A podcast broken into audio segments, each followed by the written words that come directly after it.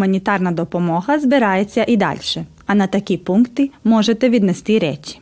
У культурному мистецькому товаристві імені Івана Сенюка Скулі, вулиця Маршала Тіта, 119, номер телефону 063 8699 412.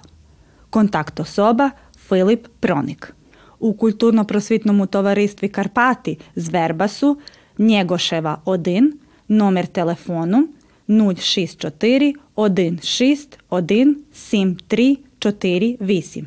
Контакт особа Василь Дацишин. У товаристві плекання української культури Коломийка з міста Сремська Митровиця, булевар Арсенія Чарноєвича, номер телефону 064 811 0370. Контакт особа Микола Ляхович. У Українському культурному мистецькому товаристві Калина з Інджії, вулиця Юг Богдана, 9, номер телефону 060 551 7262. Контакт особа Петро Закамарок. Український культурний центр Кобзар з Нового Саду, номер телефону 069 44 340 10. Контакт особа Мирослав Калинюк. Гуманітарну допомогу також можна надати і у пункті Посольства України у Белграді. Пає Адамова 4. Номер телефону 011 367 2411 і у пункті філологічного факультету Белградського університету. Gledate paletu. Izbor iz emisija na jezicima nacionalnih zajednica.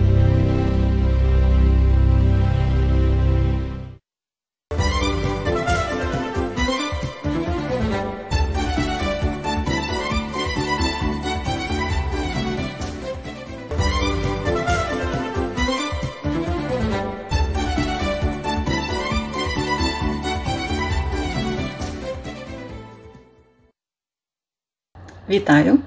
Мене звуть Світлана Шитікова. Я є координаторкою проекту Європейського Союзу Національний Erasmus плюс Офіс в Україні. Ми координуємо разом з командою впровадження програми Erasmus Плюс в Україні, допомагаємо організаціям, які працюють в сфері освіти, молоді та спорту, а також індивідуальним особам брати участь у конкурсах програми Erasmus Україна, як країна-партнер програми, має право брати участь у 31 конкурсі такої ініціативи Європейського Союзу та співпрацювати з різними країнами світу.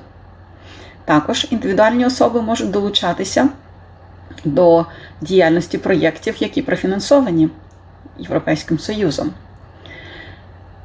До такої ініціативи можуть залучатися як студенти, так і молоді люди, як працівники університетів та закладів освіти, які працюють разом з міжнародними партнерами задля змін.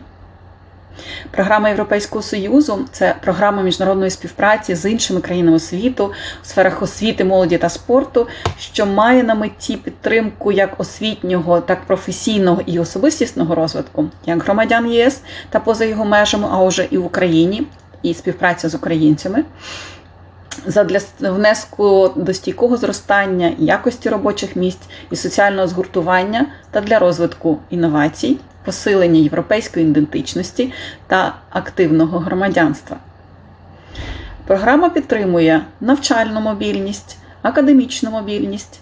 Підтримує проекти співпраці між різними організаціями різних країн світу, також надає доступ до великої кількості ресурсів, які корисні для молодих людей, які корисні для професіоналів у сфері освіти, молоді та спорту, а також підтримує різні професійні мережі та асоціації студентів, випускників та тих, хто долучається до ініціатив впровадження програми Erasmus+. Спочатку організації мають виграти проєкт, і далі вже індивідуальні особи долучаються до впровадження активностей. Тобто можуть бути оголошені конкурси, наприклад, на академічну мобільність, де студенти з України можуть подаватися на конкурси для навчання та практики в європейських університетах. Так само європейські студенти можуть приїжджати до українських закладів і навчатися чи проходити практику в Україні. Так само молоді люди можуть брати участь у конкурсах молодіжної мобільності та волонтерстві через участь у конкурсах молоді, молодіжна мобільність, мобільність молодіжних працівників, також розвиток активного громадянства.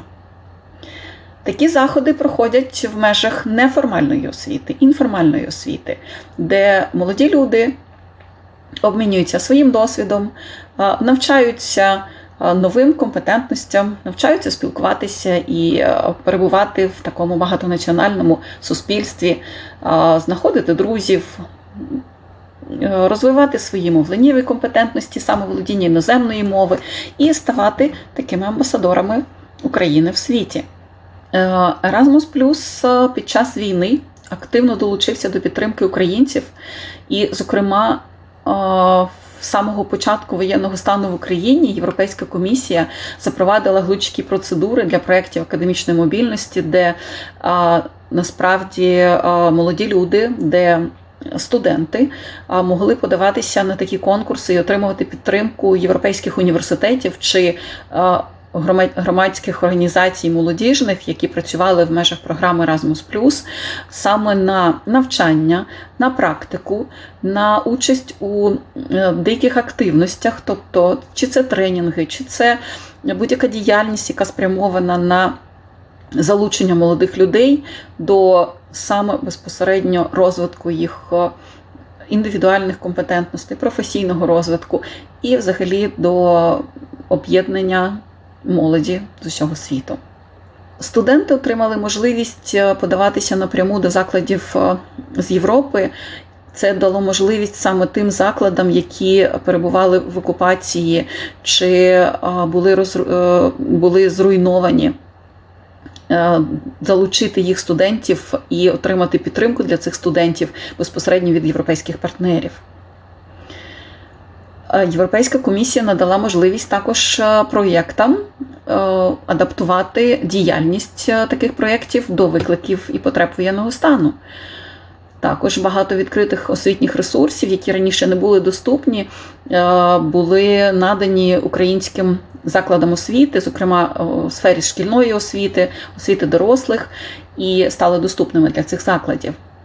Додатково Європейська комісія зупинила всі проекти з Росією та Білоруссю, натомість їх бюджет перерозподілила для України. Таким чином більше студентів отримали гранти на мобільність, на навчання чи молодь для практики, для залучення до різних заходів. І українські заклади теж долучаються і отримують більшу кількість проєктів.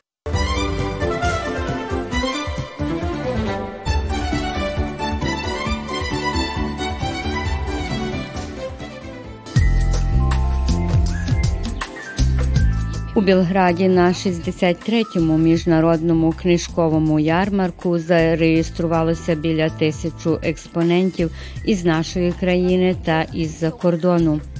Ярмарок проходить під геслом Радість читання. Країна почесний гість 63-го білградського книжкового ярмарку є Марокко. А урочисто ярмарок відкрив е, літературознавець Матія Бечкович.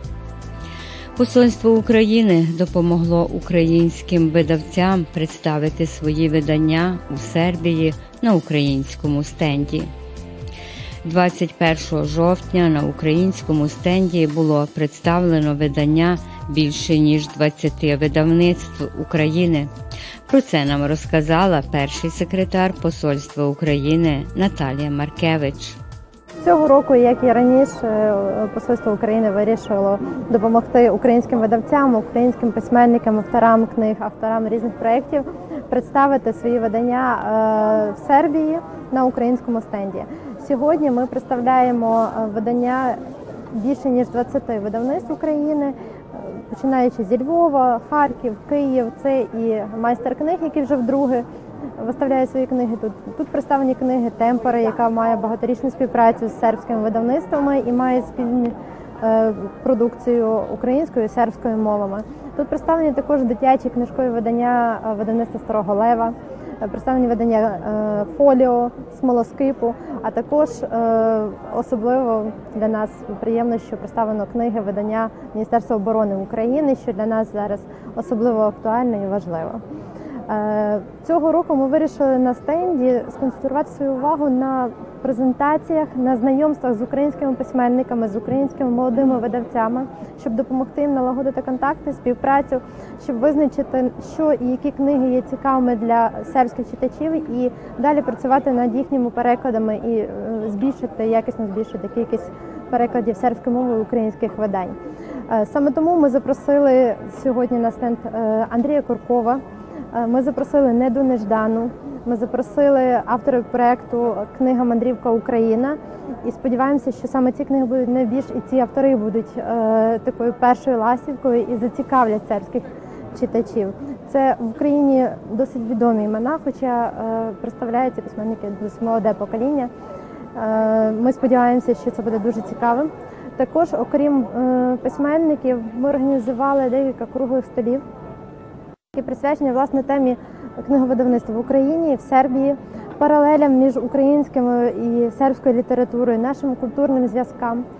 Е, Я думаю, що це буде корисним і е, дозволить виявити, можливо, ті прогалини в книговидавництві, які нам варто якимось чином подолати, а також виявить зацікавленість і е, в подальших перспективних проєктах до співпраці і до видання нових книг. Було ще представлено видання книги Мандрівки України. Я представляю е, видання книги Мандрівки Україна, яке вперше зараз презентується у Сербії е, поза межами України. Е, Щойно повернулися з Франкфурта. Там теж представляли цю книжку. Вона створена креативною агенцією Green Penguin. і це є нашою спробою представити Україну у новому іміджі. І я би хотіла, щоб звісно цю книжку прочитали якомога більшою кількістю мов. Е, Зараз е, вона доступна українською, німецькою, і зараз ми готуємо англійську версію книжки.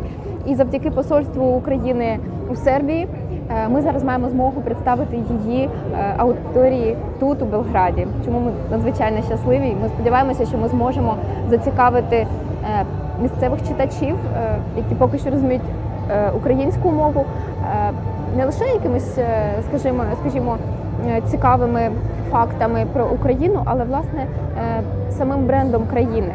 І це було нашою метою розказати про свою державу якимись незвичайними способами. У нас в цій книжці, як ми називаємо, 1200 вау-фактів, які перевірені експертами з різних галузей знань. Ми старалися залучити е, експертів е, з культурології, з мистецтвознавства, е, з історії, з фольклористики. Також з енергетичного сектору ми також намагалися представити максимальну кількість різних абсолютно об'єктів, які би могли сказати щось таке незвичайне, що могло би запам'ятатися. Наша мета справді змусити або стимулювати людей просто запам'ятати щось про Україну. Ось е, я можу показати, як вона виглядає всередині. Е, Це 30 розгортів е, з різними різними областями України.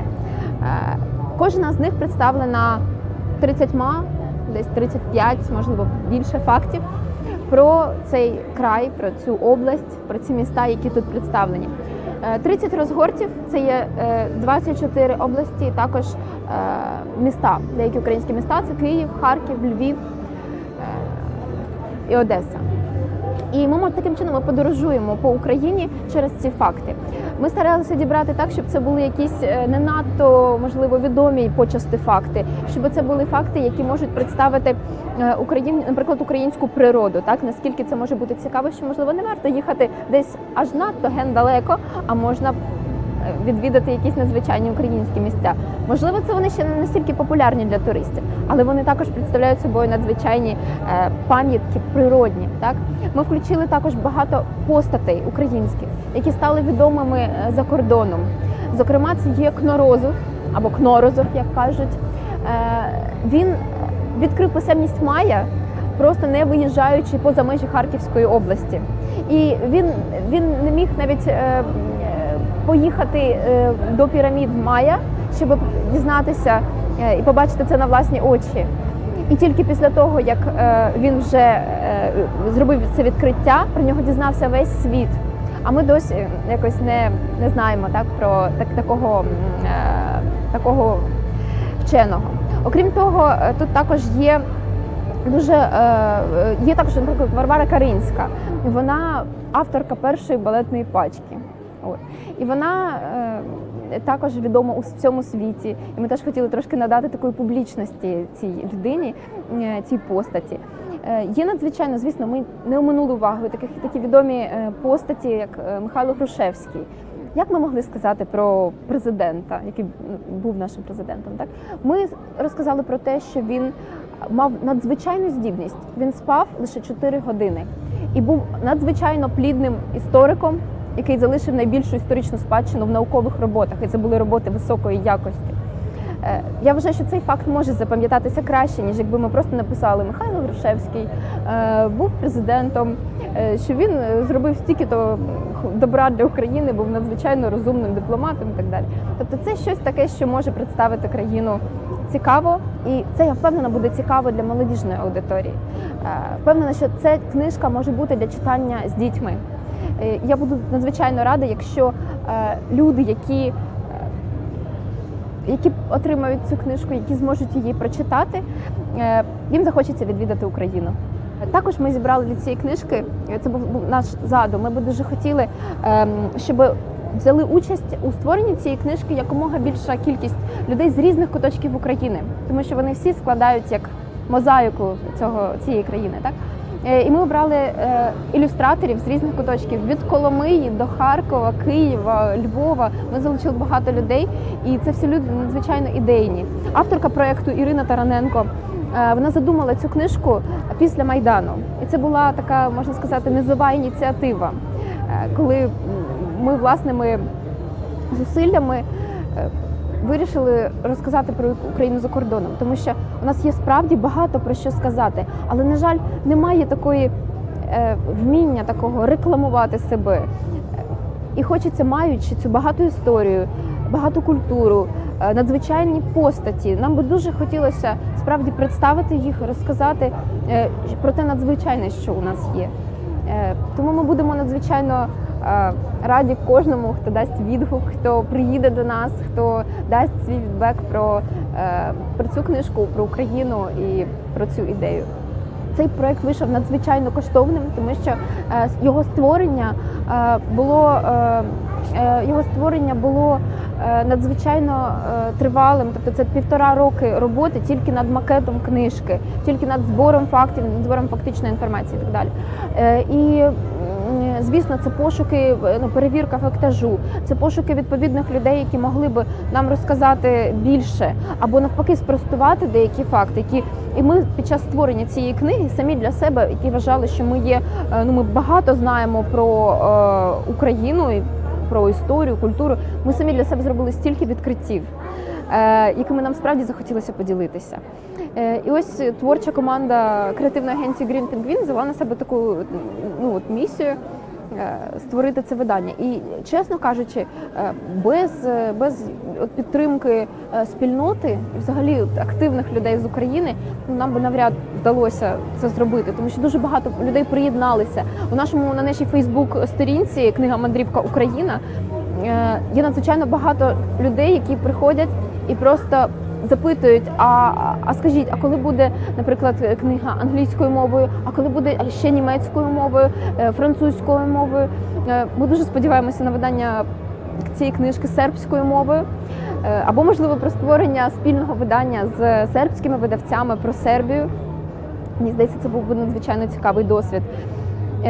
І окрім того, вони надзвичайно активні в тому, щоб запитувати про те, а от ви знаєте, а от в моїй області є ось таке надзвичайне там диво, диво природи. Ви написали про це в книжці? Ми кажемо, так, наприклад, написали, або ні, і ми включали це в книжку. Е, Тобто м, в такій взаємодії, в такій е, творчій співпраці, навіть е, враховуючи різні відгуки аудиторії, нам вдалося створити такий, як на мене, чудовою візитною карткою всієї країни. І власне це і було нашою метою.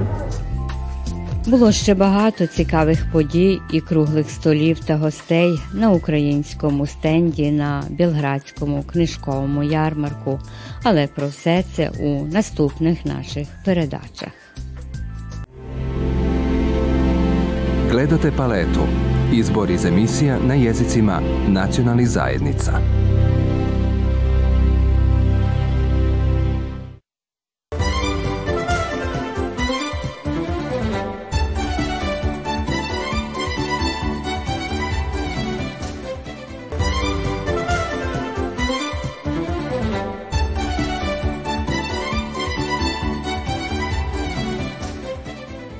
На важливій зустрічі Карітасу, де участь брали різні єпархії, була і єпархія Святого Миколая.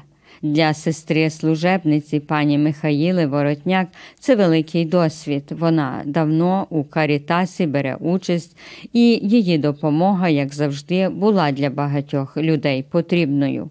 Сьогодні тут знаходимося задля того, що це є важлива зустріч і беруть участь е, різні епархії, так і наша епархія Святого Миколая, якої ми є частина.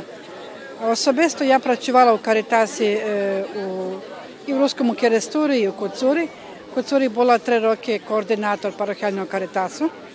Е, Це також є для мене великий досвід і коли я конкретно з людьми відповідала на потреби людей, які на той час були потрібні. Так що наші люди е, е, також беруть участь, активну участь у потребах Каритасу, значить у конкретних ділах е, для людей. Допомагаємо, маємо зустрічі. Ну, в деяких парафіях це не є дуже розвинуто, але там, де ми присутні, стараємося так само, як сестри служебниці, брати активну участь у тому. Danas je jako važno nas nacionalni susret zato što uspeli smo posle dve godine da se vidimo, da budemo zajedno. Znate da Caritas postoji na celu teritoriju Srbije, naše sve e, e, diočeze i eparhija, tako da godišnji mi se skupimo, e, pričamo, dajmo izveštaje i se pripremimo za sledeću godinu. Novi direktor, e, preuzeo sam Caritas e, jednu godinu, mogu da vam kažemo da uvek i stalno Karita Srbije se, ba, se bavi pomoć, se bavi uh, socijalni pomoć, uh, mrežama, društama, uh, migrantima, uh, uh, prevencija, tako da uvek uh, uh, mi pokušavamo da pomognemo ljudi i da širimo našu mrežu Caritas na teritoriji Srbije i ne samo na teritoriji Srbije.